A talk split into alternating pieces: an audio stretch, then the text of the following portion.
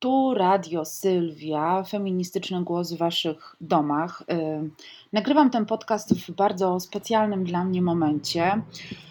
23 y, lipca 2020 roku ukazał się wywiad w replice mój, w którym mówię o tym, że jestem w związku z kobietą. Y, mogłabym powiedzieć za Janną Szczepkowską, 23 lipca skończył się mój heteroseksualizm, ale tak naprawdę nigdy nie byłam przekonana do tego, mm, jakiego rodzaju orientację psychoseksualną posiadam i myślę, że większość z nas tak ma. Jest to rzecz płynna.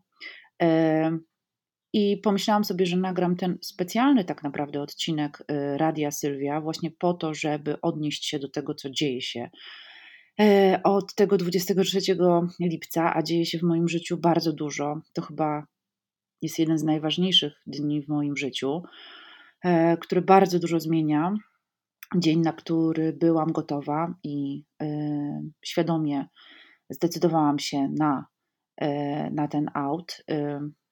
I chciałabym w kilku słowach, dosłownie dziś w odcinku, odnieść się do tego wszystkiego. Przede wszystkim jestem Wam bardzo wdzięczna.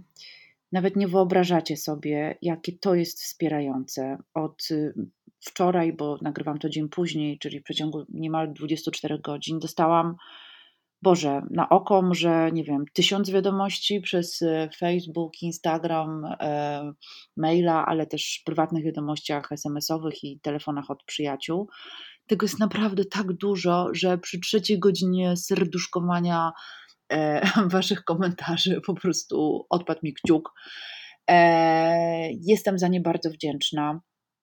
To jest nieprawdopodobne, jak bardzo dobre dobro wspiera, jak ja się czuję teraz y, podbudowana, jak czuję się e, niezostawiona sama sobie w takim momencie, jak bardzo to wsparcie też y, e, wpływa na, e, na nastrój, na to, jak się czuję teraz po aucie.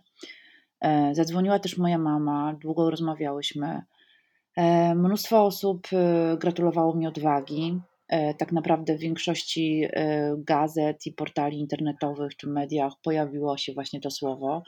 Trochę się na początku dziwiłam, a potem pomyślałam, że no tak, rzeczywiście to jest odwaga w najbardziej homofobicznym kraju w Europie mówić o swojej seksualności, która nie jest normatywna. Ale uwierzcie mi, tak naprawdę przyświecało mi, jakby przyświecała mi jedna myśl. Mój aut jest po to, aby wspierać wszystkie osoby, które tego autu z różnych powodów zrobić nie mogą. E, albo zrobiły i mają teraz e, bardzo, bardzo złe konsekwencje i przenoszą je e, od rodziców najbliższych, otoczenia i wszystkich naokoło. Zdecydowałam się zrobić aut, ponieważ nie mam zamiaru poddawać się większości. Zawsze szłam tyłem do kierunku jazdy. Zresztą tak będzie się nazywała moja nowa powieść. Zawsze byłam w kontrze, więc y, tak naprawdę zrobiłam to, co zwykle. Nie pasowałam się w normę. Mm, zrobiłam ten aut po to, aby w Polsce było normalniej, wbrew pozorom, bo dla mnie normalność to wolność, to prawo do wyboru, to życie takie, jakie się chce, nie krzywdzenie innych, działalność społeczna, e, wyobraźnia, kreatywność, sztuka. To życie, gdzie wszystkie osoby czują się dobrze, czują się mile widziane. Takiej bym właśnie chciała Polski, takiego bym chciała świata. I jakkolwiek już brzmi, brzmi to idealistycznie, nie wstydzę się tego, zawsze byłam idealistką, dlatego działam społecznie od lat. E, dostałam mnóstwo, jak już mówiłam wcześniej, wspaniałych komentarzy, wsparcia, wyrazów sympatii, radości, bardzo też dużo osobistych historii od y, osób y, niepełnoletnich, od rodziców y, osób LGBT. Naprawdę mnóstwo historii, które, które mi wysyłaliście i wysyłałyście. To jest bardzo duża też odpowiedzialność i też jakieś takie zaufanie, za które chciałam Wam podziękować. Hejt oczywiście jest, ale jest subtelny właściwie y, nie ma sensu mówić o tym hejcie, gdzie po prostu wysyłają mnie do gazu, no bo to jakby jest jakaś kloaka. Mnie najbardziej boli hejt, y, który jest skierowany, albo nie tyle hejt, co jakieś takie po prostu dziwne zdziwienie, które jest skierowane ze strony osób, które teoretycznie są inteligentne. teoretycznie mają głowę na karku, mają możliwość zdobywania informacji, tylko nie mają empatii, nie mają wyobraźni, nie są w stanie wyobrazić sobie i wczuć się w sytuację osoby innej niż oni sami. I to są te wszystkie komentarze zdziwionej inteligencji. O Jezu, to teraz już tak trzeba będzie wszędzie do mediów chodzić i mówić, kto z kim śpi? A po co ten coming out? Co to? Mnie nie obchodzi, kto z kim śpi. Tak, nie obchodzi was, kto z kim śpi? Niemożliwe. W tak homofobicznym kraju. Obnoszenie się? Serio? To heteroseksualizm ciągle się obnosi. Widzę co chwila całujące się pary męsko-damskie. Nawet prezydent prezydentową ostatnio na dzień pocałunków zamieścili swoje zdjęcia gdzieś tam na Twitterze czy, czy Facebooku, jak się obściskują. No i co? To nie jest obnoszenie się ze swoją orientacją? Tak, to wszystko jest ok, ale jeżeli osoby nieheteronormatywne zaczynają sobie mówić, to nagle jest po prostu wielkie halo i promocja homoseksualizmu. Tak, będę teraz promowała i to nachalnie homoseksualizm. Zadowoleni, zadowolone? Nie, nie musicie chodzić do gazety, żeby mówić o tym, y, z kim śpicie i z kim się spotykacie.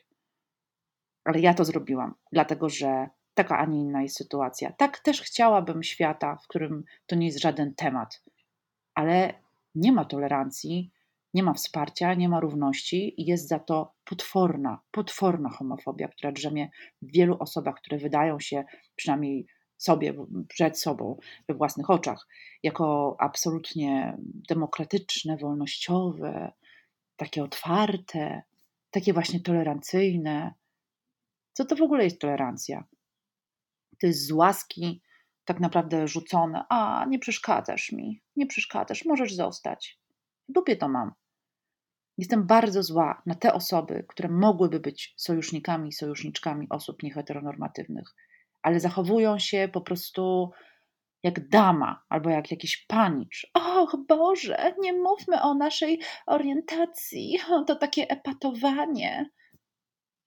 No, super. Epatujmy dalej. Będę epatowała, dopóki homofobia nie zniknie, dopóki dzieciaki nie będą popełniały samobójstw tylko dlatego, że ktoś nazywa je w klasie pedałem albo lesbą. Będę epatowała homoseksualnością, dopóki nasz kraj się nie zmieni. Wiele moich przyjaciół i przyjaciółek emigrują z Polski tylko dlatego, że mają już dość stania na barykadzie, dość po prostu tego kołtuństwa, tej obłudy, tego oceniania ludzi, wiecznego krytykowania, wpierdalania się po prostu im w łóżko co sekundę. Nienawidzę, kiedy ktoś walczy o swoje prawa, a uprzywilejowana grupa poucza, jak powinniśmy to robić, jakiego rodzaju słów powinniśmy użyć, a co, a co, gdzie chodzić, gdzie nie chodzić, o czym mówić, o czym nie. Jak zwykle wszystko wiedzący. Siedzą na dupach, nic im nigdy nie zagrażało, co najwyżej, nie wiem, kurs franka. I to jest wszystko, co mają do powiedzenia w kwestii e, walki o wolność, walki o równość. Totalnie nie mają żadnego pojęcia o tym, co to znaczy żyć w grupie mniejszościowej. Ja, jako feministka, jako kobieta, jako weganka, jako ateistka, jako osoba, która nie wygląda jak cała reszta, a teraz również jako osoba nieheteronormatywna, która powiedziała o tym głośno, doskonale wiem, co to znaczy strach na ulicy czy w autobusie, bo dostaniesz w pierdol tylko za to, jak wyglądasz i kim jesteś. To jest strach, że mój syn przeczyta ściek w komentarzach na temat swojej mamy i będzie próbował z tym walczyć i nie będzie mi o tym mówił, bo będzie chciał mnie ochronić, tak jak teraz. Nie wiecie, uprzywilejowane osoby, co to znaczy, kiedy nie można iść za rękę na ulicy z osobą, którą się kocha, tylko dlatego, że ta osoba jest tej samej płci biologicznej co i wy, albo nie jest żadnej płci, albo nie wiadomo jak, kim jest, ale stanowi to jakoś nie wiem dlaczego zagrożenie dla całego społeczeństwa czy polskiej rodziny. Nie wiecie, jak to jest, kiedy nazywają was ideologią, a nie człowiekiem. I nie nazywa was tak anonimowy hater z portalu internetowego, tylko prezydent albo osoby z rządu, które mają wpływ na to, jakie jest prawodawstwo, co dzieje się w naszym państwie. Nie macie o tym pojęcia. Co możecie zrobić jako sojusznicy czy sojuszniczki? Zamknąć się. Zamknąć się i kiedy tylko będzie trzeba, stawać w obronie. Mówić głośno. Tak, wspieram.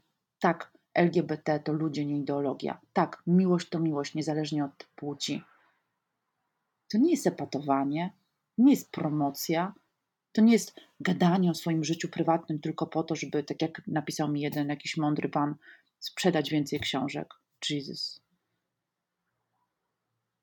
To jest po prostu walka o, o swoje prawa i o możliwość normalnego życia w tym kraju.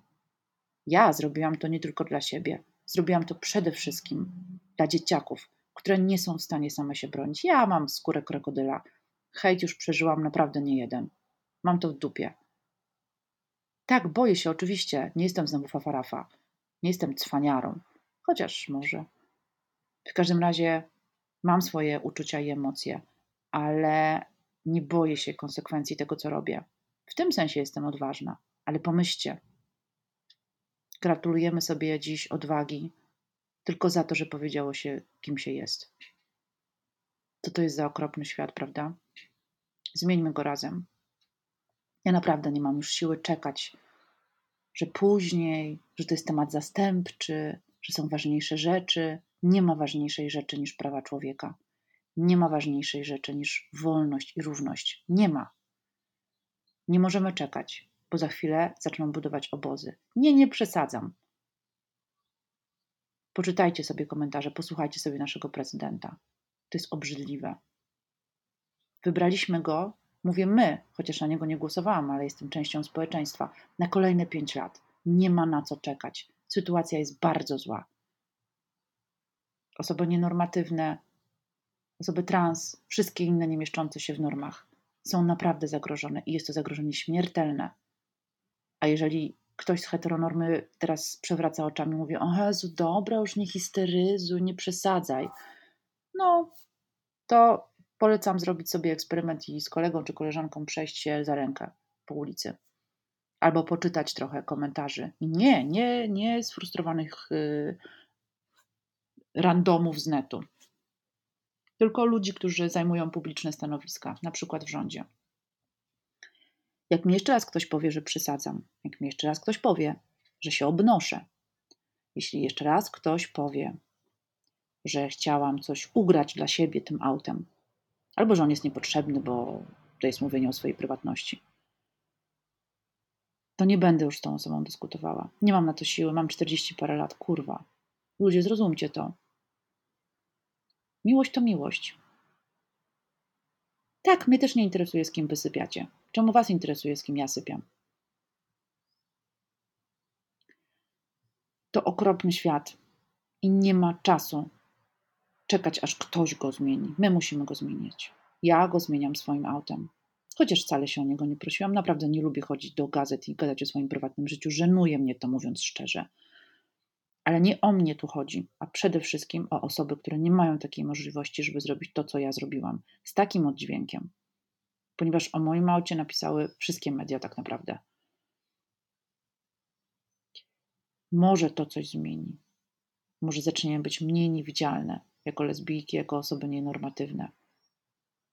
Może zyskamy głos.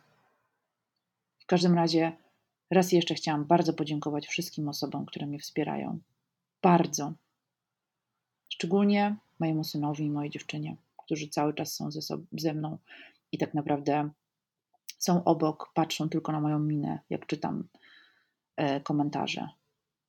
Pytają się, ktoś coś ci napisał złego? Co możemy zrobić?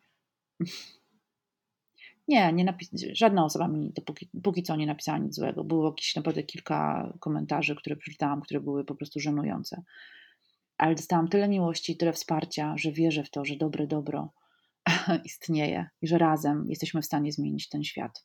Nie, to nie jest utopia. To moja realność. Zmiana. Bardzo Wam serdecznie dziękuję. To było Radio Sylwia, feministyczny i lesbijski głos w Waszych domach. Mua!